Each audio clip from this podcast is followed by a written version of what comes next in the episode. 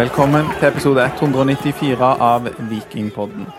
Det har nå gått inn i de veldig sene nattetimer eh, lørdag 7. oktober. Det har bikka 8. oktober, og Viking de har spilt 1-1 borte mot Odd. Du har vært på tur, Lars, sammen med meg. Har du hatt en grei bortetur? Ja, turen var jo kjekk, men det er jo litt som Odd borte alltid er. Det er litt kjedelig. Litt kjedelig. Litt kjedelig. Og vi har ingen god statistikk mot Odd eh, borte, så eh, ja. Nei, Aftenbladet lagde sak på det på forhånd, og det Det er jo sånn som du, du kunne sagt bare liksom å huske litt tilbake. Vi snakket litt om det siste episode òg, at det må tilbake til 2017 for å finne forrige gang vi vant. Og Den beste perioden eh, Viking hadde i nedrykkssesongen 2017, da vant vi blant annet eh, 2-0 borte mot Odd. Eh, Vi tok i hvert fall noen flere poeng der på sommeren, men det var- ble ikke så veldig mange poeng gjennom den sesongen, så ja. Nei, det ble ett poeng i dag, og ja, det burde jo blitt mer. Vi hadde kanskje trengt mer, men jeg har eh, Jeg har regna ut, Aleksander, at eh, nå tåler vi ett tap. Og så vinner vi likevel gull. Hvis vi vinner de andre. Ja, så hvis vi, vi har seks kamper igjen Vi kan avgi Lars, tre du spår ja, at hvis vi vinner fem av de seks neste, så vinner vi gull i Eliteserien. Ja, da vil jeg gjerne sitere min eh, Jeg vet ikke om jeg kan si gode venn, i hvert fall eh, min eh, journalistkollega, for å si det sånn, Kjetil Flyggen, at kanskje sp- spå framtiden, men vi kan se inn i krystallkula og se hvordan det går. Ja, Mm. for mm. se inn i krystallkula, det er vidt forskjellig fra å spå framtiden. Ja, jeg syns det var godt sagt av flygen, Flyggen, så jeg stjeler den eh, fra studioet. Ok, da legger jeg til at vi kan i hvert fall synse litt og drømme litt. Og så, ja, så er det jo ikke sånn at etter et tap mot Molde borte og en uavgjort mot Odd borte, at vi sitter helt sånn i gullekstase, men det er jo lov å gjøre matten på det, sånn som du gjør da. Ja, eh, jeg prøvde tabellkalkulatoren som ligger på Aftenbladet, faktisk. Det må jeg ærlig innrømme. Eh, men det mm, Ja, det er jo en eh, en, eh, Hva skal en si? En, en spådom som er vel så god som alle andre. Ja. Det um, tror jeg. Du, du har sett inn i krystallkula, du, Lars, du Men er du enig i med Rune Bjerga at det lukter gull på stadion? Ja, det lukter i hvert fall ikke gull på bortebane. Nei. Så i det siste, så ja. Vi får håpe det lukter litt gull på stadion, og slenge ut en liten pitch der. Det lages jo så mye vikingmusikk, og der har de eh, Rune Bjerga og sikkert noen andre har lagd en litt sånn folk-pop-vikingsang som heter Det lukter gull. Ja, jeg Det er tror ganske kul. Tor Kjetil eh, Espedal er involvert, tror jeg. Så det Han har jo lagd en annen vikingsang til cupfinalen. Så ja, sjekk ut den på eh, Spotify og sikkert YouTube. Og i hvert fall Rune Bjerga sin Instagram. Der fins den. Så det, det var en god start på helga. Og så er det mange som mener at det er jinxer, da. Men eh, Ja. Det, det må de leve med. Det har, den har blitt gitt ut, og det er andre enn Rune Berga som driver jinxer, i hvert fall. Så det Ja, og vi snakket om det sist òg, men jeg, tror, jeg eh, har nok innsett at at det har lite å bety, fordi jeg hadde jo var sterk i troen på at eh, vår tilstedeværelse i dag skulle bikke det Viking sin vei, men det hjalp ikke. Det gjorde det ikke. Um, ja. Og uansett tenker jeg eh, i hvert fall kjekt å komme seg på en, eh, på en bortetur da. Vi hadde jo egentlig planlagt å kjøre helt hjem til Stavanger etter å ha spilt inn pod i natt, men vi har eh, i hvert fall forlatt Grenland og Telemark og kommet oss til Agder. Og ja, shout-out til Helene som låner oss hytta si i Homborsund. Det er veldig hyggelig. Det er koselig. Vi har fått et er- Heter det anneks, eller? Jeg kall, de har faktisk et eget podkast-anneks, Ja. så det er veldig fint. Ja veldig kjekt. Og, og så er det, det er jo litt kjipt å være i et uh, fylke uten uh, elitefotballag. Ja, det er Agder. Det er vel uh, eh, Jerv rykker kanskje ned fra Obos, og Start rykker neppe opp. Så sånn blir det. Ja, nei, det, det er en stund siden vi har vært på, på Eller det har vært mulig å reise på eliteseriekamp eh, i Kristiansand. Jerv var jo oppe i fjor på en visitt, og da, da var høsten så begredelig at det var vanskelig å motivere seg for å reise til Jerv, må jeg innrømme. Men eh, nei, det åh, Jeg vet ikke, jeg i dag, Alexander, eller i går, da, teknisk sett. Det, det var jo litt sånn som det ofte er i Odd. Ja, det er Eller i Odd, sånn i Skien, mot Odd. Ja, det er. Det det du sikter til? Ja, det Det, det er jo 1-1 er jo sånn typisk kjedelig resultat, men det var jo en kamp som, som sto og vippa. Det var jo litt nerve i han, selv om Ja, og, og tok ut tempo litt og var litt Det virket som de var ganske fornøyd. Ja, det, det, tror jeg de var. I hvert fall når minuttene gikk utover i andre omgang der og Viking ble bedre og bedre, så merka du at Odd de slo seg til ro med den eh, uavgjorten, mens det selvfølgelig ikke var nok for Viking. Det er jo sterkt meldt av Odd på sosiale medier på, på forhånd. For eh, de la ut på Twitter eh, bilde av bortegarderoben. Det glemte jeg å spørre spillerne om i dag. Men eh, der de hadde hengt opp gullballonger og skrevet 'Gull 2023'. Eh, og at det er jo umulig å slå en eh, Eller ta poeng fra, fra gulljagende vikinglag.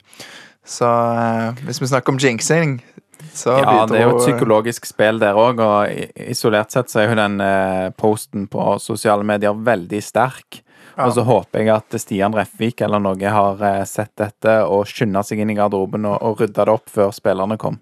Ja, det var søren at vi glemte å ta det i intervjuet etterpå, da. Men um, ja, nei, det var jo en sånn inngang til kampen så, um, så starta litt tidlig i uka, men um, ja. Ja, det var det, og Um, ja, og de Eller hva mente du nå? Det er en inngang som starta tidlig i uka? Ja, så kan vi jo Det var en forsøk på å liksom dra oss inn i inngangen til kampen. Ja, og jeg vet ikke helt hva du forsøkte. Vi er jo vanligvis utrolig samstemte, men nå skjønte jeg ikke helt hva du ja, sikta til tidligere i uka. For, for gjennom disse vi er jo nå 194 episoder og har 18 kamper, så pleier vi alltid å begynne å snakke om inngangen til kampen. Ja, og den starta tidligere i uka fordi at noen spillere ble klare. Er det det du sikter til, Lars? Nei, det Nei. var bare at dette var en inngang fra Odd tidlig i uka. Ja. Og så kunne, kunne, du bare tatt en elegant som jeg ville sagt. Og Vikings inngang til kampen, ja, det var ja, liksom riktig. forsøket, da. Ja, nei, men vi, vi, får ta det et annet take, klippe ut det, og så tar vi et nytt take. Og så sier vi at uh, Viking de uh, hadde jo en litt annen inngang til kampen og var ikke så opptatt av å uh, forskuttere gull på sosiale medier, men de jobba jo for å få spillere klare til denne kampen mot Odd. Ja, det, var jo eh, Viking har jo slitt med skader. Høyrebekkene har eh, vært ute begge to, og Janni har spilt i hans i deres fravær. Eh, jeg kalte det tidenes dårligste tima skadeavbrekk for Herman Haugen når jeg snakker med han etterpå. Du, skjønner du hvorfor jeg brukte den? Ja, det skjønner jeg jo absolutt. Han er jo en god høyreback og har vært bak Sondre Bjørsol i køen. Og når vi da har to såpass gode høyrebacker, så er det veldig dumt at de liksom skal synkronisere skadene sine. Mm. Og så var Brekalo eh, Han var, gikk av mot Molde. Han så ikke ut som seg sjøl der oppe og gikk av med en vond lyske, så det var vel forventa at han ikke var, ble klar. Så forsvaret var jo da med Janni Langås, Diop og Patinama. Ja, og jeg er jo ikke så nervøs for stopperne selv om eh, altså Sondre Langås har ikke fått mange kampene på dette nivået, så syns jeg han sammen med Diop det har sett ganske solid ut. Mens eh, høyresida vår da med Janni på bekk, han har løst det bra før, men det har lugga i det siste, spesielt mot eh, Molde borte, der det ble fire i sekken. Men det er noe med den samhandlingen på høyresida òg, etter Bell eh, kom tilbake med Bell, Svendsen og Janni. Det, jeg synes det lugger, spesielt da i det defensive, så er det mye rot. Ja, og Janni som har eh, kommet inn på ørebekken, har jo en mer offensiv rolle enn han har hatt når han har spilt på bekk tidligere. Um, det har sett rart ut når han skal ha den offensive rollen du sikter til, og være breddeholder og ja. ja. Og så ser du defensivt så sliter han jo med posisjoneringen og liksom skyve med laget. Uh, så det blir mye rom bak han. Han trekker gjerne for langt inn når han skulle holdt igjen ut, og, og omvendt. Sånn at du ser det kommer mange gode crossere fra stopperen til, til Odd Solholm Johansen, som kommer bak ryggen til Janni, så gjør eh, åpne rom på, på Viking sin høyre side. Absolutt, og de slår jo altså crossere, men de slår generelt òg litt høyt der, sånn at han skal eh, gjerne ta en hodeduell. Heller ikke hans eh, sterkeste side, så vi forskutterer jo litt av hva som skjer i kampen òg, men dette er jo noe vi har sett eh, i, i Molde-kampen, og en del av disse tingene gjør seg gjeldende. Ja, så det var ikke noen overraskelse med den forsvarsfireren. Og det var heller egentlig ikke noen overraskelse på midten, der Bell Solbakken og Tangen spilte. For Patrick Jasbekk han hadde karantene, så den ga seg litt sjøl. Mm. Men eh, Eller gjorde han det? Jeg vet ikke. Det, hvis en hadde valgt en annen høyreback, så kunne jo Janni spilt på midten. Løkberg var klar igjen. Auklend har eh, eh, vist framgang, syns jeg, eh, når han har eh, kommet tilbake fra lån. Så en kan jo si at midtbanen gir seg sjøl, men burde han det? Jeg tenker kanskje han ikke burde det. Jeg har jo tenkt eller sagt eh, ord som eh, kannibalisering, på en måte, om, eh, om Bell og Solbakken. At de, de ødelegger for hverandre. Og det er jo egentlig da faktisk mest Bell som ødelegger for Solbakken. Nå hever Bell seg i dag, spesielt i andre omgang, det skal vi komme tilbake til. Men det er jo, som vi har snakka om, og veldig mange har snakka om, de er like spillertyper. Og eh, Bell ønsker nok å gjøre mange av de samme tingene som Solbakken. Eh, det mener jeg skinner litt igjennom. Og han har heva seg i indreløperrollen, løser det bedre, men det er vanskelig for han. Han, han har disse defensive eh, sekserfibrene eh, i seg. Og det som er dumt òg, er jo at Solbakken ser ut som en mye dårligere versjon av seg sjøl òg. Eh, de siste kampene så skal jeg ikke si at det er bare fordi Joe Bell har eh, kommet inn, men, men, det er noe som lugger der. Så kanskje burde det ikke gi seg sjøl? Nei, jeg, eh, jeg er òg åpen for det, og Men jeg vet ikke liksom å ta ut Bell mot Odd ja, og det er jo igjen da Løkberg akkurat kom tilbake fra skade. Auklend ville jo da, hvis han eh, fikk en start nå, så ville det vært hans eh, første start etter han kom tilbake fra låneoppholdet sitt, så Ja, og da, av de som var alternativ, så ville jeg jo Altså, det jeg helst da ville hatt, var jo da en høyreback på høyrebacken, altså Janni inn på midten der, eh, for start av i dag. Men eh, ja, som Betty sa i intervjuet med meg, nå er det meg og Morten Jensen som er så heldige å få lov å ta ut laget.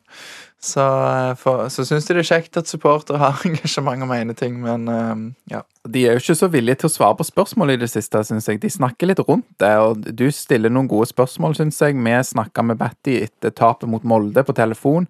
Det kan jo folk høre i den episoden hvis de ikke har hørt eh, Vikingpodden etter 4-0-tap mot Molde. Vi har forståelse for hvis noen ikke orker å dvele mer eh, ved den kampen. Eh, men de, de snakker litt eh, rundt det, og prøver kanskje å finne ut av litt ting sjøl, og derfor gir ikke de mest tydelige svarene.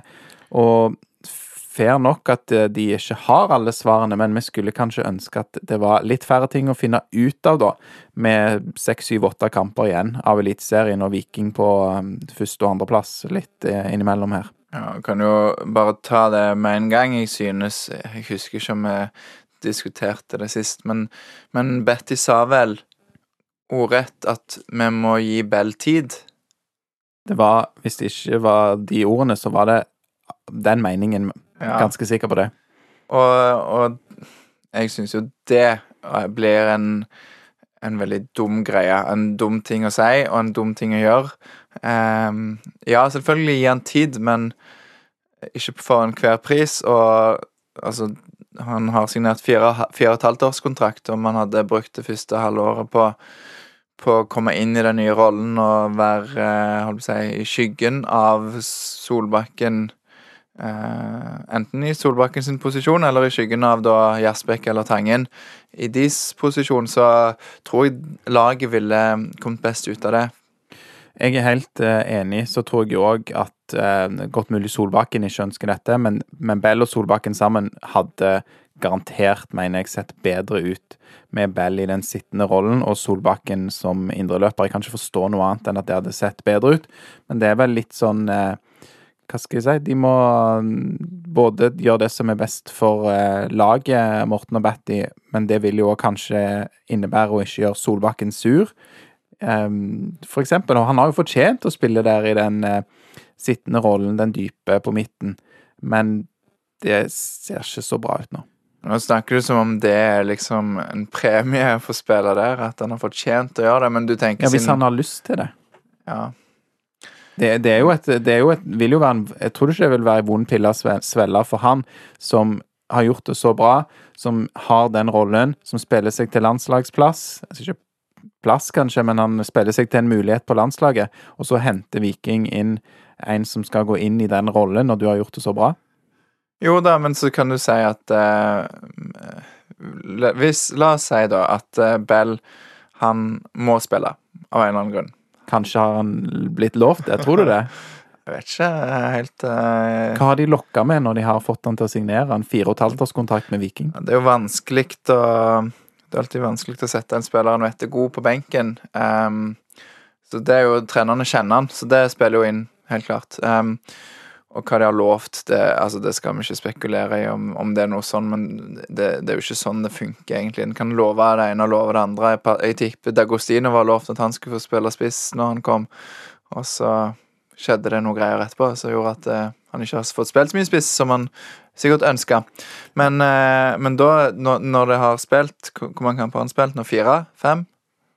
Ja, siden han debuterte med redebuterte mot Vålerenga, så er det vel Vålerenga, Haugesund, Sandefjord, Sandefjord, Molde Og i dag. i dag. Ja. Så kan du sette Jeg kunne sagt den forrige gang sagt, vet du eh, Vi ser at det funker ikke så Du, du spiller ikke så bra på grunn av at eh, Bell har kommet inn. Dere funker ikke så bra sammen i den konstellasjonen. Du kommer ikke til å få plass på landslaget uansett når du ikke har spilt så bra, Markus. Eh, men hva med bytte plass på dere to? Kan være det fungerer bedre. Eh, det syns jeg vi skal prøve. ja, vi får håpe at de Så skal, skal Markus Solberg si Nei, jeg vil ikke. Jeg vil spille på midten. Ja, nei, jeg, jeg støtter deg i den. Jeg håper jo at de gjør det grepet hvis de mener det er bra. Vil spille på midten. Midten på midten. ja, nei. Den eh, sentrale, dype, den vil han kanskje ha, men han, ja, han har jo vært god der, og man skulle jo tro da at eh, man klarte å få de til å spille enda litt bedre sammen enn det de gjorde i dag. Og vi skal komme litt tilbake til det, men jeg syns jo Bell kvikner jo til. Men da er jo Solbakken litt usynlig, da. Ja. Så, men bare for å ta en ting om høyrebekkene før vi går videre og snakker om selve kampen. Eh, bare for å ha det òg klart. Ingen av eh, de to som vanligvis ville spilt høyrebekk, altså Herman Haugen og Sondre Bjørsol, er klar for å spille 90 minutter. Nei, det virker ikke ikke Haugen sånn. bekrefter det til deg. Ja, du kan jo se svaret hans sjøl. Han svarer jo i hvert fall riktig. Ehm, kan vi si. Men ja, nei, altså Tror du han, han ga deg politisk korrekte svar når du intervjuet han, eh, Lars? Er det det? ja, Det blir jo spekulasjoner, da. Men han svarte vel noe sånn som at eh, Nei, det er, det er jo så team rundt meg og meg sjøl og altså, Ja, det, Ja, du kan se det. Hør eh, Lars sitt intervju med Herman Haugen, eh, for eksempel på Instagram eller Twitter eller YouTube eller der som Ja. sånne ting X. finnes. X heter det nå. Jeg vet ikke om Bjørsol eh, Han fikk ikke snakke så mye mer om han hadde vært klar for eh, noen minutter, men jeg tror det ville vært gambling å starte med en av dem. Men jeg Jost. Han er et ville 1290. Ja, men jeg vil ikke Jeg, jeg, jeg skjønner at de ikke setter han inn på en høyreback-posisjon. For de som har glemt Just Jost Urbansic litt, så har han hatt en lang skade og er jo egentlig venstreback Kom inn sist mot Molde, på høyrebekken. På høyrebekken. Ja. Um, men vi kan ta frontrekka, som var Svendsen, Salvesen og Tripic, og ganske forutsigbart. Um, hadde det vært uh, opp til deg, Aleksander, hadde du tatt Samuel inn fra start?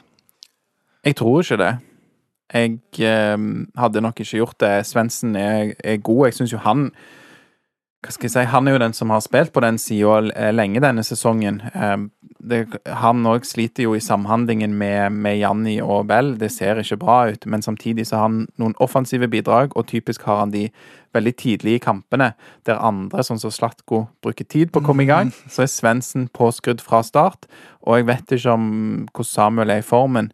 Eh, om han eh, tåler 90 minutter. Usikker på det. Ja, jeg, eh, jeg er jo egentlig enig, fordi selv om jeg liker Samuel og ville hatt han inn, så, så ville det vært tryggere å sette han inn på en høyreside med Bjørsol og Jasbekk eh, bak seg enn Bell og, og Janni, når det ikke har fungert så veldig bra. Så den er forståelig. Ja. Ellers ved inngangen til dagens eh, kamp så var det jo litt litt kult, kanskje Eller ikke kult, men det er jo en eh, interessant ting, syns jeg, at eh, Tobias Svendsen spiller mot Sander Svendsen, og de er brødre. Og de har jo spilt mot hverandre før i år, men dette var første gang fra start, tror jeg, at begge starta. I hvert fall på en stund. Ja, det har jeg ikke ja. Det har jeg ikke sjekka, men forrige gang var jo i Lillestrøm, og da tror jeg eh, Sander gikk av før, Svendsen kom, før Tobias kom inn, omtrent.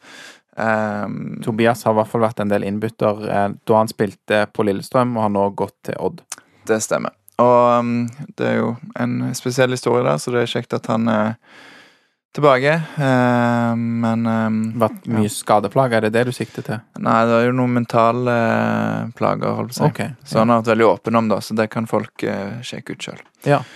Så eh, det var kjekt for de å treffes. Og så fikk, eh, ble Sander Svendsen kalt inn på dopingkontroll, så vi fikk ikke prate med han i dag. Nei, da må man da må, De må jo være veldig tålmodige når de drar på dopingkontroll, og hvis noen vil intervjue de, så må de òg i hvert fall mm, ringe de etterpå, eller vente veldig lenge på stadion. Ja, Vi vurderte å ringe de etterpå, men nå er de sikkert snart hjemme, så vi lot det være. Ja. Um, en viktig ting i inngangen til kampen. Seks busser pluss to pluss Seks x antall fra biler. Stavanger og to busser fra Oslo, og mange privatbiler. Du skjønte akkurat hva jeg sikta til. Så ja, bra. Ja. Hvis jeg gjentar det med noen presiseringer. Ja. ja, det var jo for, litt forma som en quiz, på en måte. OK, ja, ok, Ja. det er bra. Vi, Jeg er himla trøtt, kan jeg si. Det er jo blitt litt seint på natt her, men det er bra jeg tar noen ting, i hvert fall. ja, satt opp uh, Viking eh, seks eh, busser fra Stavanger, og Viking Oslo hadde satt, fått satt opp to fra Oslo. Så det var jo helt fullt på bortfeltet, og de åpna et ekstra felt for Viking. Det var vel ca. 1000 mann, eller i hvert fall 1000 solgte billetter, som, på bortefeltet, som lagde et veldig bra trøkk. Jeg vet ikke hvor mange det var. 5000 det endte opp med å være totalt. Totalt var det litt over fem, ja. Ja, så en femtendel av eh, stadion var bortesupportere. De lagde jo mer lyd enn hjemmesupporterne. hjemmesupporterne. Så det var veldig gøy, og jeg eh, var borte og tok litt bilder og noen filmklipp og sånn der borte, så det var, det var bra trøkk. Og det var noen som sa, om det var Bjørne, at han eh, uten supportere nå ville kanskje blitt null poeng istedenfor ett, så Ja, Det kan veldig godt være. Det, det er en ekstra ramme, det merkes veldig godt. eh, Ja, for eh, ja, Vi sitter jo og ser dette på motsatt langside i dag, og det, det merkes utrolig godt. Det gjør det. Så eh, begynner kampen, og det begynner jo, begynner friskt. Det gjør det. Viking er gode og heldige ut av Mm. eh, startblokkene, får en si her, når det til slutt viser seg at Viking har skåret et mål som gjør at det blir 1-0. Ja, for uh, Janni tar og klarerer ballen eh, langt opp, høyt opp, og så blir han hedda unna. Og så er det Markus Solbakken som vinner den uh, neste duellen. Og da får Sander Svendsen Han setter fart opp langs sin høyre side, og litt heldig, kan vi si, når han prøver å finne eh, Tangen med den pasningen. Ja, han prøver å finne Tangen sånn cirka på 16 meter sentralt i banen, og den blir jo brutt. Ja, den blir brutt, og så klarert rett i Tangen. Så ballen havner ut igjen hos Sander Svendsen, som gjør noe fint. Han eh, gjør det. Han legger inn eh, på tvers, og eh, linjedommer, assistentdommer, tror at Tangen som mottar ballen og setter den i nettet, er offside. Og ehm, det så jo veldig teit ut på reprisen, men her har VAR eh, rett når de gir målet til slutt. Ordet du brukte der var tight, altså ikke teit.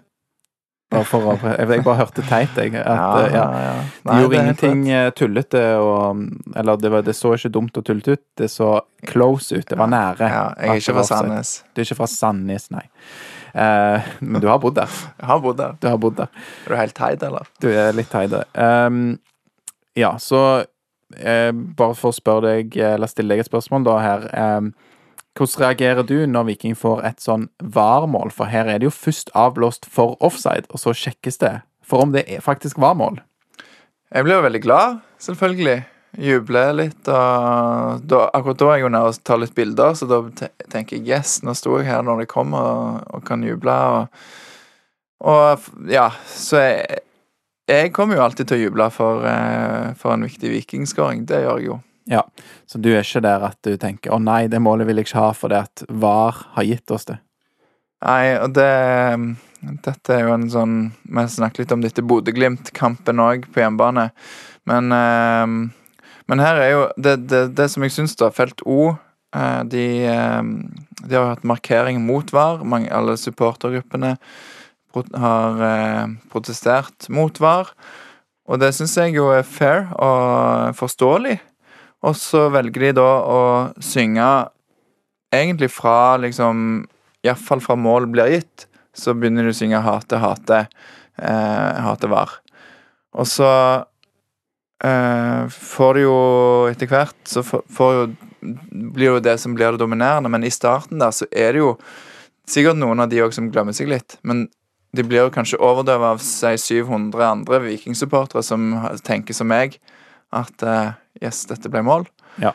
Um, og så ja, vi la ut et klipp på, på Twitter, og så begynner folk fra andre supportergrupper å bare liksom eh, hakka på at vikingsupporterne jubla for mål. Men hva var, klippet du la ut da, Lars? Nei, det var av, av supporterne som synger. Hate VAR. Vikingsupporterne synger 'hate, hate, hate VAR' Ja. etter at Viking har fått et VAR-mål. ja, og så skrev jeg at dette var responsen fra Tusen til reisen, og det er jo ja. Mens noen da blir sure fordi at andre eh, Eller noen stemmer på Vikingtribunen jubler fordi de har fått et mål når det er gitt av VAR. Ja, og skrev vel til en av de òg at det er tapt hvis du, hvis, du, hvis du er mot VAR, så er det jo Altså, det er helt greit, og det er innafor, det, men, men det å liksom Hvis du forventer at alle supportere skal være mot VAR, eller at ingen supportere skal juble for mål pga. VAR, så tror jeg du kjemper en tapt kamp.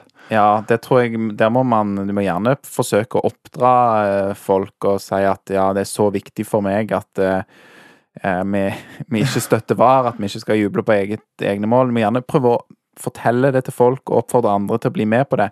Men det å bli liksom snurt for at eh, folk jubler når Viking skårer mål eh, Denne diskusjonen er faktisk òg ukjent for flere, det vet vi. Flere som er glad i Viking, og som eh, eh, kanskje bare ikke følger det så tett, og ikke ja, følger disse diskusjonene mellom supportermiljøene. De kanskje ikke heller ser fotballkveld på TV 2 eller gjør noe særlig annet enn å følge Viking Ja. en gang iblant.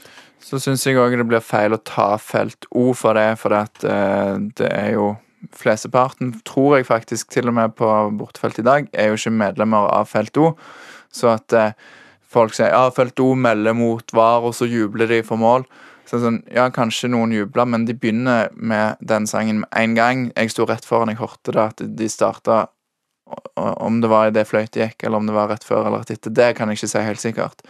Men det tar, det tar kanskje et halvt minutt eller noe sånt før, før det blir det dominerende. Så ja. Men det, det er et viktig poeng òg, det må jo folk huske. At eh, bortefelt når Viking reiser på tur, og om 1000 mann kommer på et eh, bortefelt, så er jo ikke det 1000 mann fra felt O. Mm. Det er jo eh, Viking-supportere fra Østlandet, noen som bor på Sørlandet, til og med òg bor i Telemark. Eh, det er masse folk som har reist fra Stavanger, selvfølgelig, men det er jo òg ja, alle mulige folk som følger Viking på, på forskjellig måte. Noen eh, med hytta her som er sånn 'Å, jeg er fra Stavanger, og jeg har jo hytta i området her. La meg gå og se Viking'.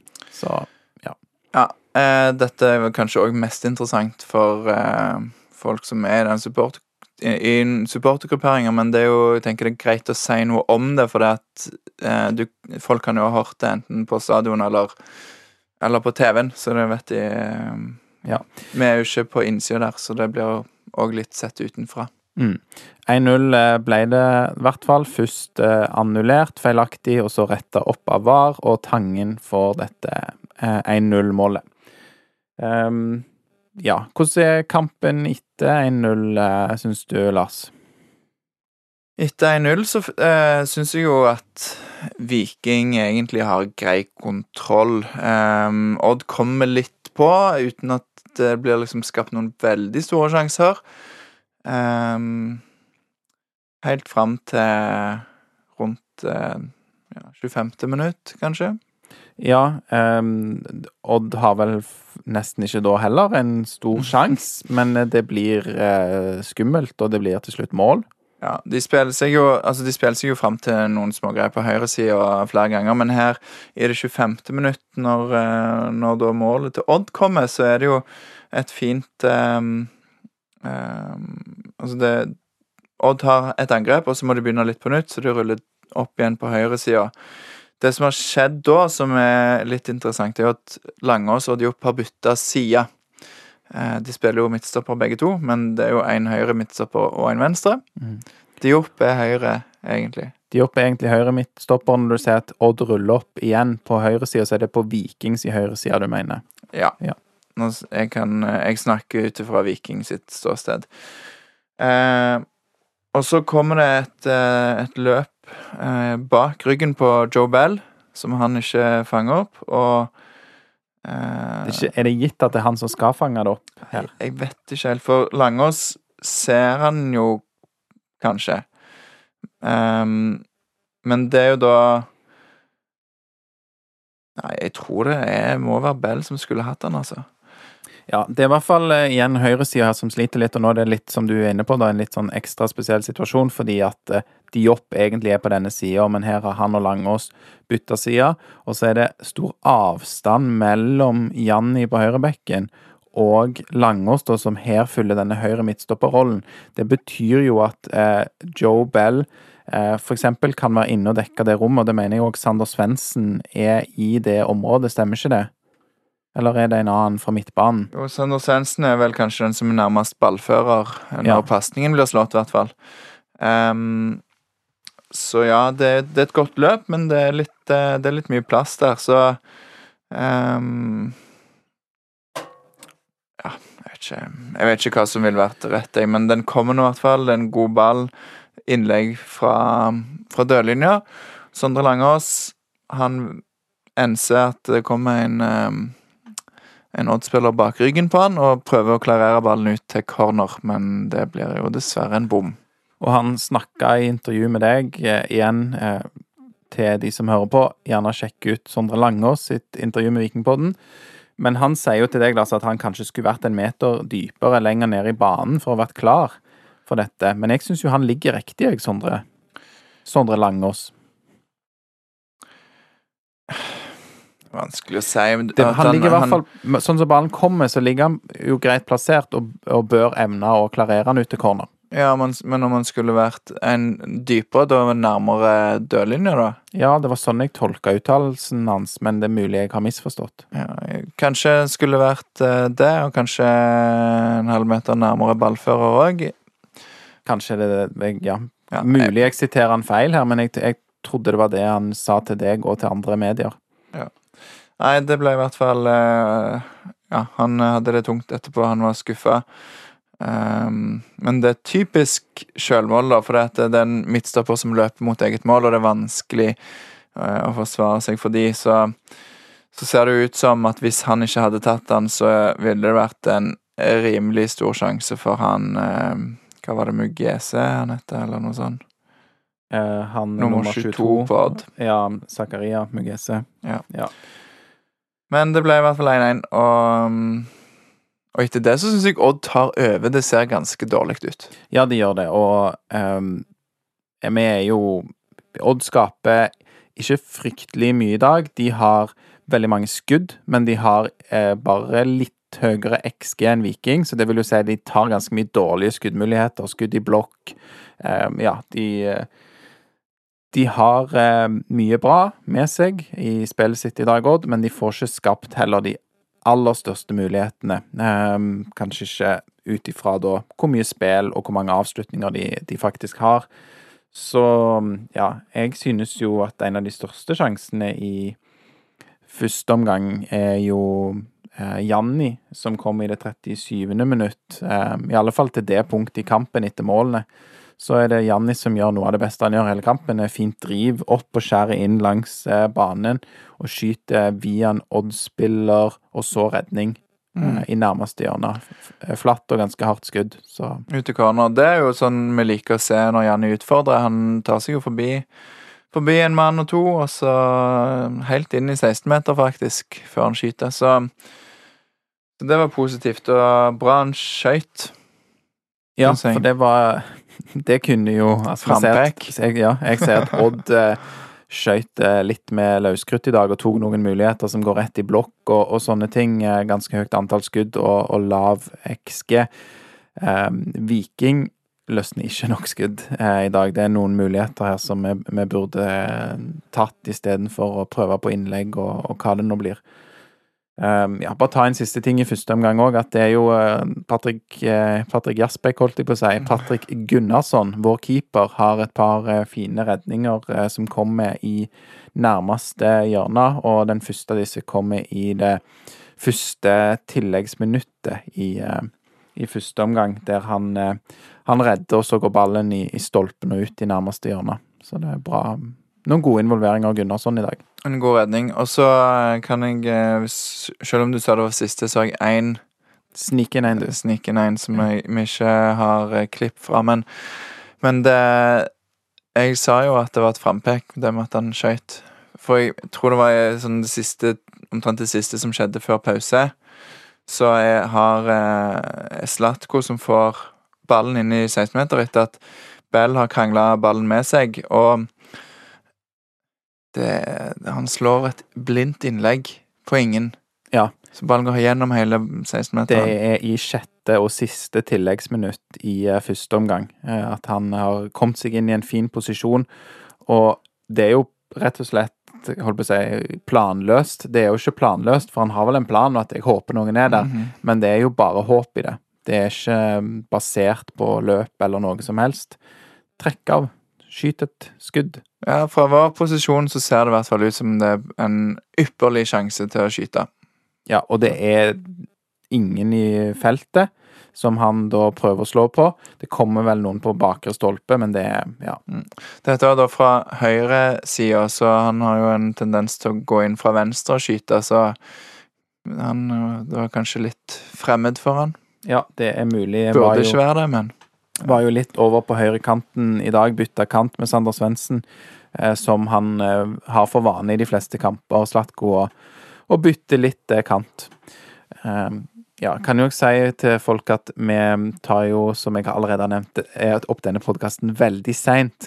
De fleste hører jo Vikingpodden bare på lyd og ser ikke på video, men de som ser på video, de fikk nå se Lars sette i et fryktelig stort gjesplas. Det har vært en lang dag, men du holder det gående her. Ja. Noen av oss eh, sov ikke på den lange bilturen i dag. Nei. Så- meg og deg har kjørt bil sammen. Eh, Jeg har kjørt mest bil, men jeg har òg sovet når du har, har eh, kjørt litt. Så jeg var Måtte prøve å lade litt batterier til lang dag vekke. Det som er fint, er jo at eh, nå er det høstferie, så da eh, kan, har jeg en hel uke på å komme meg Ja. etter denne Det har jeg òg. Jeg har tatt fri. Jeg har tatt fri. Jeg er ikke lærer, men eh, forholder meg til skolens høstferie. Sånn skal man ha respekt for, så da tar jeg en hel uke fri. Det er fint, det er fint. Nei, det, det er seint, ja. Så ja, Skal vi gå videre inn i andre omgang, da? Ja, Viking gjør det. bytte i pausen. Det gjør de. Kanskje det minst eh, overraskende byttet. ja, par dårlige kamper nå for Janni på høyrebekken. Så han går ut, og Haugen, Haugen kom, kom inn. inn. Herman. Og det er jo sånn Noen sier at uh, uh, Jeg vet ikke om Jeg tror ikke noen sier at vi er rause. Jo, jo, noen sier faktisk at vi er litt greie med Nei, at vi er for strenge. Sånn er det. Nå ble det rotete i hodet mitt. Noen sier at vi er for strenge med Janni for at han blir satt i en posisjon som han ikke er vant til. For strenge når vi gir han dårlige vurderinger, børskarakter, den type Ja. ting. Ja. Og det har jo Det er jo et poeng, for han Det er jo i en uvant posisjon. Men samtidig så er det sånn hvis du setter Harald Nilsen Tangen i mål, og han slipper inn ti mål, eller fem Ja. mål, så han slipper inn fire mål, da. Fem mål. ja, så er jo det en sånn ganske dårlig kamp av en keeper. Ja, Så da vil han jo få dårlig børskarakter fordi han spiller i mål. Ja, du kan ikke Jeg tror jeg skjønner hvor du vil hen. Altså, Setter du Harald Nilsen Tangen i mål og sier det enda litt mer ekstremt, og jeg tror han kunne sluppet inn ti mål, eh, da får han jo selvfølgelig en einer på børsen hvis du slipper inn ti mål, mest sannsynlig da som keeper. Eh, og du kan ikke da hensynta at han egentlig ikke skal spille der. Ja, og hvis han hadde sluppet inn fem mål og gjort noen redninger, så kan det være han hadde fått toer eller treer, men han ville ikke fått sekser, at det var Ja, men Harald Nilsen Tangen er jo ikke keeper, så det var jo ganske bra at han ikke slapp inn ti. Ja, ja, det er jo, du vil jo Vi ville jo selvfølgelig gitt stryk til trenerne for å sette Harald Nilsen Tangen i mål, men vi ville jo òg gitt eh, den, han, den karakteren han fortjener. På samme måte som hvis eh, Det har jo skjedd at eh, Vet ikke, klubber har ved feil signert eh, i England og sånne ting, da, signert afrikanske spillere som de tror er gode. Det er jo bare De, de faker seg jo inn på kontrakter og sånne ting. Eh, ja. De ville jo òg fått en einer, for de kan jo egentlig ikke spille fotball. og sånn. Det er noen syke historier, da. Det, det er kanskje for en annen podkast. Men ikke enig i det, nei. Hvis trenerne setter Janni på, på bekken, så må han vurderes ut ifra at han skal løse den rollen på en god måte, og gjør han ikke det, så får han selvfølgelig eh, karakter som om han var Sondre Bjørsol, som om han var Herman Haugen, Jo Sturbansic, eller noen som er back i, i Viking. Godt oppsummert. Så Haugen kom inn. Jeg synes det ser eh, det, Altså, fra start der, det er jo en, eh, en god eh, mulighet til Altså, allerede fra liksom Nesten fra avspark så kom Viking til en sjanse. Nå husker jeg ikke om det er den vi skal se, men Eller vi skal snakke om. Det er det er jo en dobbeltsjanse Viking har her i det 47. minutt, eller skal vi kalle det en dobbel halvsjanse, kanskje? Ja, det kan vi, det kan vi gjøre. Um, skal vi se Nå skal vi finne bare notatene her. Uh, ja, det er den når uh, Svendsen legger inn. Ja. Eh, det er jo Haugen som uh, skaper det. Han får ball, og så triller han til, til Svendsen, som legger inn. Og så Innlegget det er ganske bra. Det blir slått ut i første omgang fra, fra keeper. Og så um, så er det Viking som plukker andre ballen og kommer til nytt innlegg fra sin venstre side. Og det innlegget som da Slatko? Slatko slår, det finner Ingen. Sal ja, det finner vel Salvesen. Ja, er det han som er treffer- sist på ballen? ja. For det blir jo utspark fra mål, og, og der er han litt oppe litt på, Straffe? på straffe, men det tror jeg er halvhjerta. Ja. Eh, men det er et godt innlegg, og det er et gode løp der òg, fra både Bell og Patinama, som åpner opp eh, litt der. Så eh, det er en frisk start. Det er det. Eh, rett etterpå så er Gunnarsson òg involvert eh, igjen. Jeg nevnte at han hadde et par gode redninger her eh, i nærmeste hjørne. Kan jeg bare ta en, en ting som vi snakket om på stadion i dag? Ja, må For- ta akkurat nå. Ja. For, ja, for rett etter den sjansen Mm. så, kommer, så gjør uh, Sander Svendsen en, ve en veldig fin eh, greie. Han dribler inn i boks, og så, så, han, så skjer det noe som eh, Ofte så ville det blitt kalt obstruksjon, men her ble det kalt skjerming. ja. Husker du hva situasjonen jeg refererer til?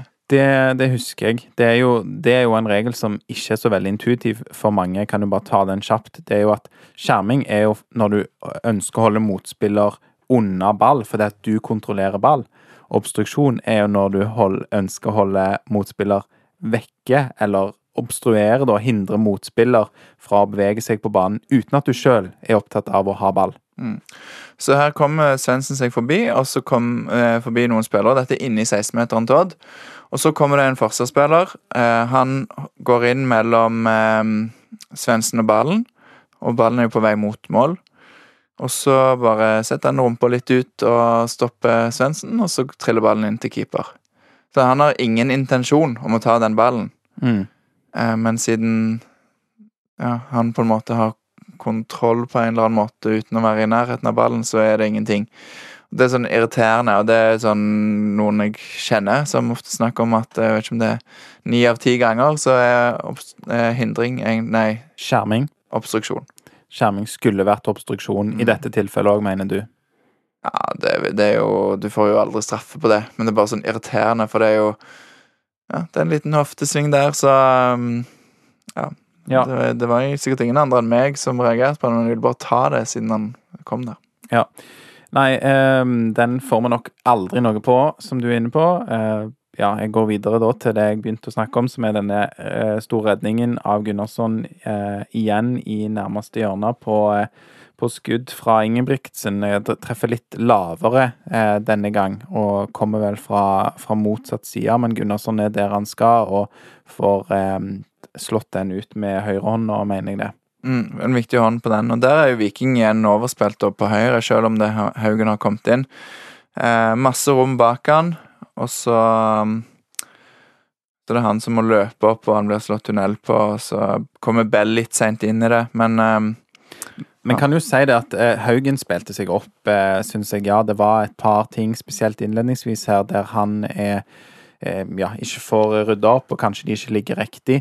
Men jeg syns han har jo en mye bedre omgang enn en Janni. Å ja, ja. Ja.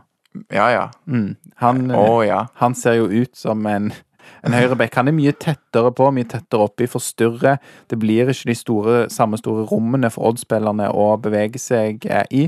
Og Joe Bell spiller seg òg opp. Han ser òg mye hvassere ut eh, i andre omgang. Han ser òg bedre ut. Han ser ja. tent ut. Han kommer og rydder opp og er der det skjer, holdt jeg på å si. Han, Jeg syns han tar tak i kampen i andre omgang. Eh, I en periode når Viking kjemper litt, for det, Viking begynner veldig bra, altså skikkelig aggressivt, men så kommer Odd mer og mer. Og så syns jeg det er Bell som går foran og vinner flere dueller på rad. Eh, og, og setter et eksempel. Og Da syns jeg vi ser, ser litt av den Joe Bell fra 2021. Ikke med de eh, geniale pasningene framme, men med det defensive, hardt, eh, harde arbeidet. Mm.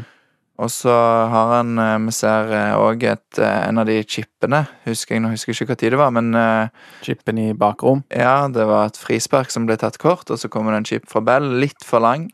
Men, men da syns jeg liksom det begynte å, å svinge litt, litt mer av Bell. Eh, Solbakken forsvant litt mer ut av kampen. Eh, jeg synes at høyresida fungerte mye bedre med Haugen der, og både offensivt og defensivt av Haugen. Det, det er en annen kraft eh, og trygghet, sjøl om Ja, det er ikke alltid at han treffer på alt, men det er liksom du føler at det kan skje noe, da, at det, han går Kanskje at han går bredere enn enn Janni?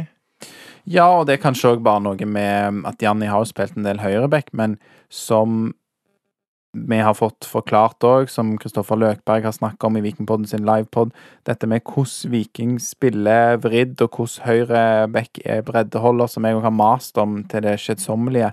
det er en annen måte å spille back på enn det nok Janni har gjort før. Og ja, han er kanskje ikke heller den som elsker å terpe på det taktiske. Jeg vet ikke. Det Ja. Det vet ikke jeg heller. Men eh, jeg tror jo at Janni som eh, Janni 2023 er jo en mye mer eh, sentral eh, midtbanespiller enn en eh, høyre kant. Så at det er naturlig, mer naturlig for han å trekke inn, som du ser han gjør på det skuddet. Sant? Han går innover i banen. Mm. Og det er jo bra, det, av og til, men det er fint å ha Haugen som, eh, som kan forse litt fram og komme til innlegg fra den sida. Um, og Ja, og nå er det kanskje òg eh, Blir kanskje verre òg denne kampen, fordi Odd har sett hva Molde gjorde forrige kamp. eh, Ja, det Det tror jeg er en forsterkende effekt. Det, de vet at det er det er rom der på den eh, høyre sida, og det er noen ting som ikke fungerer helt eh, optimalt. Så ja. Ja, det var det, det var en uh, leksjon Viking fikk i Molde, så jeg håper de lærte av den sjøl. Den siste situasjonen jeg ønsker å stoppe ved, enkeltsituasjonen i uh, andre omgang, er sjansen Viking har i det 72. minutt. Det er Viking sin største sjanse utenom målet.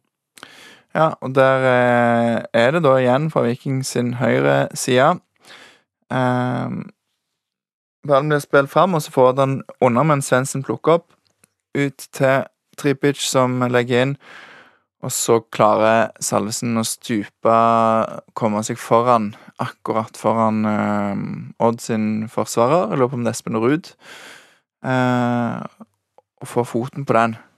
Og da tror jeg at nå satte han. Ja, det trodde jeg òg. Det er veldig tett på mål, dette. Får kanskje ikke kjempemye kraft, men det er Åh, ja, jeg trodde den bare gikk i mål, for den er vanskelig for keeper. Ja, keeper er vel på vei den ene veien, og så Må hente seg inn og gått, eller strekke armen motsatt vei av der den kommer fra. Jeg tror det er så slenger han den opp og, det, og, og klarer å, å få ballen unna. Så um, selv om skuddet er litt midt i mål, så er den vanskelig for keeper, så det er en god redning. Eh, dessverre for våre kjære mørkeblå. Ja, det var Viste seg vel å være den, den siste muligheten, den store muligheten vi hadde. Så da eh, Ja. Det, det er jo noen, noen fine ting etter dette. Vi har, gjør jo to bytter i det 75. minutt. og kommer Aukland inn og Samuel Adegbenro. Det er vel Auklend som viser best igjen av de to. Ja, og det er greit innhopp av Auklend. Ikke, det, ikke noe sånn som gjør at jeg tenker han må starte neste kamp. Mm. Eh, begge de kommer jo inn da i en periode der Viking har eh, egentlig tatt litt over, syns jeg, igjen. Um, Ja, mer og mer eh, mot slutten av kampen. Viking siste Ja, ja, men Begynne litt før de kommer inn.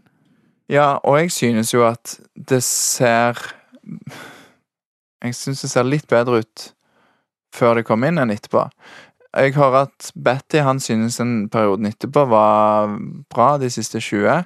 Jeg synes at fra kanskje ja, rundt 65 til 75 var da Viking kanskje så farligst ut.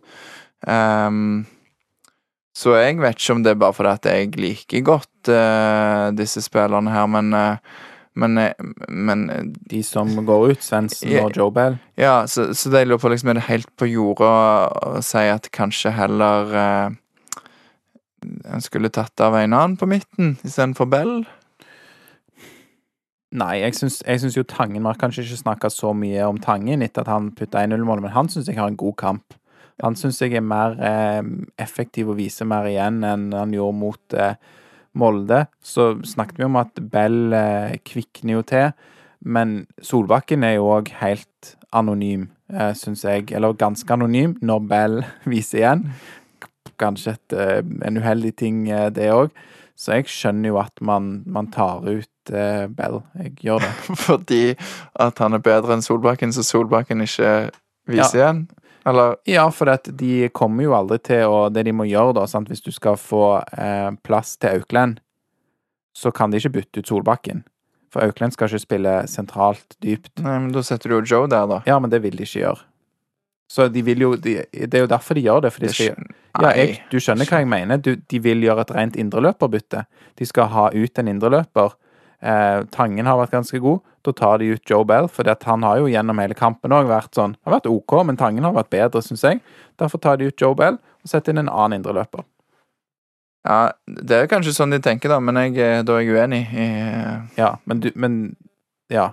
Men du, du tror ikke heller at det er sannsynlig at du i noen av de neste kampene får se Solbakken flytta vekk fra sentral eh, dyp midtbane, og Joe Bell går inn istedenfor? Tror du det er sannsynlig? Altså Det er jo i, på samme måte som en må diskutere om Bell skulle fortjent å starte. Sant? Vi har jo snakket om det at han kanskje ikke skulle starte fordi han ikke har vært god nok. Så syns jeg jo ikke at eh, Solbakken skal stå 90 minutter bare fordi at det er Solbakken, og for han har vært god, og for at han skal være glad, og for at han har fortjent Nei, det. men, men syns ikke du òg at han begynner å vise mer igjen med en gang Joe Bell går ut? Det syns jeg. Ja, men Viking mister jo litt momentum, syns jeg, etter, Ja. etter min mening. Sånn at eh, Jeg sa jo òg at, eh, at Bell tar tak i kampen i større grad i andre omgang. Og da skjønner jeg ikke hvorfor du skal liksom Ja, han, nå har han tatt, tatt tak i kampen, og da ser vi ikke Solbakken, så da må vi ta han av sånn at vi kan se mer av Solbakken. Eh, det er en sånn logikk jeg ikke helt klarer å, å ta. Så et, i, i, etter mitt syn så ville jeg eh, Så ville jeg holdt Bell på banen så lenge han er fit for det. Altså så lenge han er i form. Ja, men Og nå bør han jo være det. det er jo ingen, selv om Bell spiller seg opp, så er det ingen blendende kamp av han, og jeg syns eh, Auklend viser jo like godt igjen som Joe Bell. Der er jeg ikke enig med deg, da. Nei. Jeg syns Auklend har, han har eh, et godt returløp, der han kommer inn og blokkerer foran en Odd-spiller. Og så syns jeg han har en god dribling og to. Mm, Ja, for han drar av et par mann og avanserer i banen. Han har jo òg et par balltap, eh, slår et par pasningsfeil, så det er jo plusser og minuser. Ja, Men så, han gjør jo ting der som, som Joe Bell ikke kan, måten han drar av de to og bare forserer og glir gjennom. ja Han tilbyr noe annet. og annet enn Solbakken òg. Ja, absolutt. Så, så jeg, jeg, tror ikke vi blir enige, da. Men, eh, men jeg synes at når eh, Joe Bell leverer Altså når han hever seg såpass i andre omgang, og Markus Solbakken ikke er så synlig. Men jeg syns ikke man kan bytte Markus Solbakken òg bare fordi han har en periode der han er litt usynlig. Jeg tror, jeg tror ikke de endrer kampplanen heller på den måten. Det er- Jeg skjønner at du mener at han ikke skal ha klippekort og sånne ting, Markus Solbakken, men fordi om han har en usynlig periode i kampen, så Jeg tror ikke de, de gjør de omrokeringene sånn on the fly, da. Med mindre det er skader eller helt hårreisende, sjokkerende dårlig spill, og det var det jo ikke. Nei, da, nei altså, sjokkerende dårlig var det jo ikke. Men jeg synes at hvis en bør ha de beste spillerne på banen, og i dag syns jeg det så ut som Joe Bell var en bedre spiller enn Markus Solbakken når vi var kommet til 75 minutter. Mm. Eh, og sammen med Sander Svendsen, som er mye involvert. Der er det vanskelig å um, sette han opp mot Slatko Tripic når du skal ha en Samuel Adegbenro. Men det er jo alltid Svendsen som blir tatt av. Hver kamp. Mm, det er kanskje litt lik situasjon. Ja, det er jo på en måte det. Det er jo to eh, viktige spillere. To eh, Holdt på å si godt lønna spillere. Eh, men nei, to ledere i laget, da, sant. Så det er vanskelig å, å I, ta da tenker du på Solbakken og Tripic. Ja. ja. Så um, jeg vet ikke, jeg, jeg sier ikke jeg, jeg er mer Hva skal jeg si Mer sikker på at jeg ville tatt av Solbakken enn Bell. Enn I, er sikker I dag, ja. Ja, enn at jeg ville tatt av Tripic enn Svendsen. Men jeg synes Svendsen òg er god, han er mye involvert, og mye av det som skapes, skjer på høyresida til Viking. Jeg synes det forsvinner faktisk litt i dag, etter det, det kom ut, og så endrer det seg litt. Og så, Ikke at Odd skaper så veldig mye, men Viking mister litt momentum, og så tar det det litt tilbake helt til slutten. Men så blir det ikke, det blir ikke nok. Tangen har et skuddforsøk som blir blokka, blant annet, husker jeg. Men, Mm. men jeg klarer liksom ikke å huske at vi kom til noen sånne store sjanser. Det var mye nesten. Ja, jeg synes òg etter hvert i, i andre omgang, og, og egentlig gjennom kampen òg, at det, ja, vi spiller oss til noen, noen sjanser, men så er det òg noen bare sånne rene innlegg eh, som kanskje kommer spesielt fra venstresiden, som Patinama bare slår inn, eh, og som Odd ganske enkelt eh, header ut. Og det er kanskje òg når innleggene kommer på de bevegelsene som Odd forventer. Um, vi klarer jo òg å, å gjøre det farlig, men da er det kanskje mer etter at det har vært en klarering først, og så får vi slått inn på ny, den type ting. Mens de mest forutsigbare, det rydder Odd veldig greit opp i. Så ja. Ja, en ting er at det er forutsigbart, en annen ting er at det ikke er presist nok. Mm. Så um, helt enig. Og så lurer jeg på Jeg vet ikke Det blir, det blir jo kanskje litt sånn famling, eller som du ikke liker, Aleksander, men For det gjør jeg aldri sjøl. Jeg famler aldri sjøl. nei. Nei, Det ville jeg eh, aldri funnet på. Men nå, jeg ser jo at eh, jeg, ville slit, jeg sliter med å ta av Svendsen, og jeg sliter med å ta av Tripic. Men kunne du inn, satt inn Samuel for uh, Salvesen? Han har jo spilt spiss i Sverige. Ja, det er det de uh, sier, og dette har jo jeg aldri sett uh, sjøl. Hører at det er en uh, Han Han ble toppskårer som spiss. ja, hadde en mer fri rolle som spiss, vandrer mer. Ikke sikkert det, det er feil. Nå er jo Dagostino er jo ikke tilgjengelig som spissalternativ, så kanskje. Det ville i hvert fall gitt litt andre kort å spille på. Du mister litt hodestyrke, men jeg tror Samuel òg kan eh, Han har skåret en del mål på hodet når jeg har sett eh, sånn høydepunktklipp. Så eh, jeg vet ikke om Ja, det, det, kan være en sånn der eh, svakhet jeg har for de spillerne som snakket om, men jeg ville holdt Bell på banen, jeg ville holdt Svendsen på banen. Og så hadde det vært interessant å sett Samuel enten som spiss eller venstrekant. Jeg vil jo òg si at jeg Det er et litt annet poeng, men at byttene godt kan komme før. Ja, Jeg det er skjønner sant. ikke. De kom i det 75. minutt. Eh, Ja, Haugen ble bytta inn ved pause, og så kommer Auklend og Adegbenro inn i det 75. minutt. Eh, Da òg er jo, som du er inne på, Lars, har Viking en, en, en god periode, eller en OK periode, mens i det 60. minutt, for eksempel, så mener jeg at vi trenger at det skjer noe. Og vi har eh, en, ja, noen folk ute med skader, men vi har òg kort på hånd som vi vet at kan være med å bikke dette i vårt favør, og de må vente med å komme inn. Ja, jeg er ikke uenig der, og da hadde de byttene kommet etter, etter rundt 60, eller tidligere da, kanskje 55, mellom 55 og 60 eller noe sånt, så ville jeg kanskje ikke stått der og, og vært kritisk til at det var Bell som gikk av, for da, det var vel kanskje omtrent da at han Begynte å kvikne til. begynte å, å virkelig vise, vise igjen. Um, eller etter, etter rundt etter 65, da, kanskje. Mm. Uten at jeg har, burde ha skrevet dette ned, men Men ja, sant, så der, der, er, der er mitt poeng at Eller at OK, kanskje ikke byttene kom egentlig for seint, fordi at Viking klarte å justere seg inn. Klarte å, å ta grep ja, uten da- at byttene kom. Ja, da tenker du at eh, OK, la det heller gå fem minutter til og se hvordan det går med de som er på banen. Ja, jeg vet ikke. Nei. Det eh, vil vi aldri få vite. Nei, det blir, eh, det blir synsing og spekulering. Kontrafaktisk.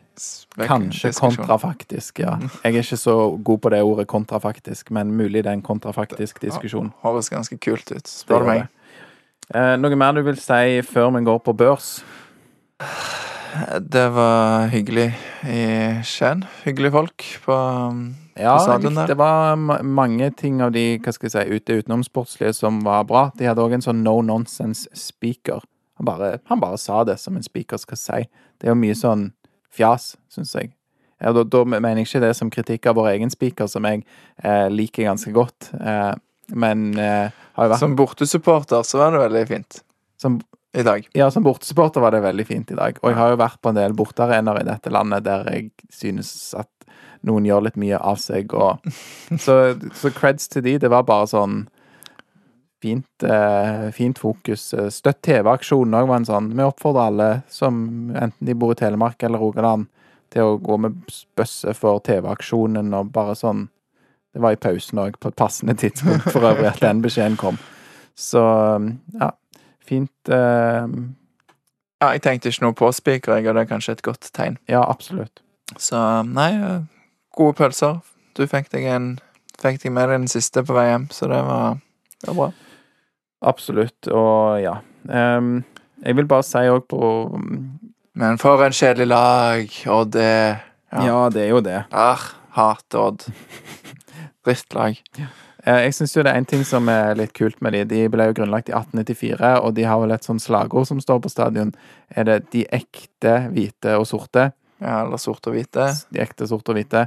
Samme det. Et eller annet sånn. Og det er vel et stikk til Rosenborg, som er en sånn Odd-kopi. Ja, for de heter Odd når de først eh, starta opp. Ja, var det ikke det? Jeg tror det. Ja, jeg tror det er et stikk til Det er jo tradisjonsrik klubb, Odd, som var gode, som inspirerte noen oppe i Trøndelag til å starte en klubb med hvite og sorte drakter. Som skulle hete det samme. Ja. Veldig bra. Det er sånn det For det heter. Odd, Odd Grenland, heter jo Ja. Også Før. Odd Trondheim. sikkert. Et eller annet sånt. Men uh, ja, nei. Jeg vil bare si eh, om, om spillere før vi slipper kampen helt, og Børs, at uh, vi nevnte jo at Tangen syns han var, var Ingen var jo blendende i dag. Eh, men jeg syns at egentlig sa Patrick Gunnarsson synes jeg han på børsen spiser seg nesten opp mot en, eh, en syver etter hvert. Jeg har et par gode redninger, men så blir det litt sånn der shaky og farlig Ja, på slutten. sånne, ja. Så ja. Nei, Tangen eh, Det var vel han som fikk han. Jeg tror han ble BB på Vikingpodden sin børs. Ja, det er fortjent. Han var, han var bra. Ja. Og, eh, Gjennomholdt 90 og Ja. Litt Mangler litt i, i valgene sine av og til. Sånn at han enten dra, prøver å gå for lenge eller legger til feil mann, eller jeg vet ikke. Det bare liksom Det, det blir litt mye, nesten, og så Ja. Ja. Det, det er det, og i dag er det Jeg syns det blir mye nesten òg, i alle fall i de riktige stedene på banen. Han der prøver jo når det nærmer seg 16, men, det ja. men jeg er enig i- i det du sier, Lars. Det er noe med valgene og utførelsen, kanskje òg. Og så er det det som skjer litt dypere i banen, gjør han veldig bra når han kanskje er venn av en mann og burde spilt på en Odd-spiller og to gule kort i dag, men det, det kommer Det var vanskelig Ja, å få gule kort på Odd-spillere. ja, jeg syns det var litt uh, merkelig. Ja, det Jeg skal ikke bruke masse tid på dommer, for jeg, jeg eh, syntes ikke egentlig det var så, så gale. Det, det eneste var liksom at det, det virka som det var to lister for gule kort. En for Viking og en for Odd. Jeg har ikke telt hvor mange gule kort det var, men det var en del taklinger for Odd-spillere som jeg reagerte på. Tidlig i første omgang, og det er jo vanskeligste tidspunktene å, å få spilt på noen gule kort. Ja, men òg i andre omgang, når eh, eh, Tripic er litt tøff i en duell og vinner ballen. Jeg tror det var han, han eh, nummer ti. Kan det stemme? Ingebrigtsen. Så, og så hevntakler Ingebrigtsen da Ja, det var et soleklart eh, gult kort. Det var, det var ute i andre omgangen, ja. Så det var en del sånne ting som liksom du tenker Hæ, hvorfor eh, Nå må du dra opp det gullkortet snart, for de fikk lov til å sparke ned Tangen og Tripic og mye. Men, men det er pirk. Det er ikke derfor det eh, blir poengtap i dag. Jo da. Jo da, det var på det. Um, nei, jeg tror ikke jeg har så mye mer jeg vil si om uh, denne kampen, jeg, Lars. Jeg spurte uh, Betty at um, Jeg sa vi syntes det var litt vanskelig å kåre barns beste, og ville gi det til supporterne, så han var enig i det, da. Kunne gi Ok. det til dem. Det var bra. Mm. Flott uh, svar fra Betty. Rart at han da ikke grep den muligheten til å trekke fram en enkeltspiller som han mente var banens beste. Det hadde jo vært eh, interessant. Dere vil se at han sier det helt av seg sjøl, uten at det blir lagt noe ord på noen måte i munnen på han, så sjekk ut intervjuene våre på sosiale medier. Ja. Ja, um, vi skal spise frokost i morgen klokken 09.30. Skal vi avslutte dagens episode, Lars? Det er jo hele, det hele seks timer til det, så det Ja. Eller kanskje nærmere syv, men Et eller annet, i hvert fall. Ja. Em, ja. Men vi er tilbake etter landslagspausen, om ikke i landslagspausen. ja, plutselig vinner vi på noe sprell, så får Ja. vi se. Eh, kan jo bare si det at eh, jeg vet at en del som har tenkt seg ut på treningene til, til Viking. Iallfall noen av mine elever har sagt at de skal på det. Og så vet jeg at Viking spiller treningskamp mot Sandnes Ulf klokka elleve. Det kan være eh, ta klokkeslettet med en klype salt. På dagen på torsdag. På torsdag mot Sulf. Mot Sølf. Det er um, lag da fra Sandnes. Mm. De eh, spiller der oppe med Gisketjern og det. Ja, og de Eh. har en vikingspiller som heter Edvin Austbø, som er på lån. Og han spilte i dag kamp mot Skeid i Oslo, der en annen vikingspiller som er på lån, mål. mål og hadde målgivende. Simon Kvia Egeskog for Skeid. Eh, mål og målgivende mot Sulf i dag. Det desiderte båndlaget i Obos-ligaen, Skeid, de vant 3-0 mot Sandnes Ulf. Knuste Sulf. Så um, Nei, det blir eh, forhåpentligvis en eh, selvtillitsboost for vikinger som er sikkert er langt nede etter å ha bare vunnet 11-12 av de siste 15. Jeg vet ikke Ja, hvis det er tellinga. Det er vel tolv 12 av eh, 15, og så er det um, to uavgjort og et tap. Ja. Tror jeg, hvis jeg husker riktig. Da er det jo langt ned etterpå. Ja, men det er jo klart det er jo ett poeng på to kamper, så um, jeg tror ikke den treningskampen nødvendigvis eh, gjenoppretter den selvtilliten som de forhåpentligvis får snart igjen. Men uh, sikkert en god, god gjennomkjøring for flere. Nå er jo noen på landslagsoppdrag, og ja. Ja, eh, Patinama til Indonesia. Patrick Aspek er i London med Australia. Jeg tror bare han er sto som train on på lista. Det vil si at han ikke er et full Altså han er med i tropp på en måte, men ikke aktuell for kamptropp. OK. Men det, jeg er ikke helt sikker på det. Tror du det var et taktisk gult kort han fikk eh, borte mot Molde, sånn at han kunne chille inn mot eh, landslagssamlingen? Det tror jeg absolutt ikke. Nei, godt. Eh, vi har Magnus Rugland Ree, som er med U20. Norge. Er det flere? Eh, det går litt i surr for meg, men det var Jeg vet i hvert fall at Joe Bell ikke skal være med New Zealand. Han har meldt forfall pga. Eh, det som sto på New Zealand sin sider. Personal reasons and uh, recently joining a new club. Ja. Så han, uh, han prioriterer Viking, da, tolker jeg det som. Ja, det, vi får håpe det er det. Mm. Kanskje noe flytting og greier. Det er Ja. ikke godt å si. Nei, men det er mm, Ja, det, vi får se hva lag som møter Sandnes Ulf på torsdag, i alle fall. Sa du om det var hjemme eller borte? Jeg tror det er på SR-Bank. Ja. Og gratulerer til Viking 2, som rykker opp. Ja, kult. Og eh, Viking kvinner vant bort i dag, så det nærmer seg opprykk for de òg. Så ja, det er bare Viking herrer komme seg på beina igjen, så blir det bra. A-laget. Herrer, herrer, de må Mm. Viking 3 vet jeg ikke hvordan gjør det. Nei, det får vi... tror vi Danielsen hadde målshow for, for ikke så lenge siden, så Ja. Nei, er vi fornøyd, da. Jeg er fornøyd. Vi avslutter med å si én, to, tre Heia Viking!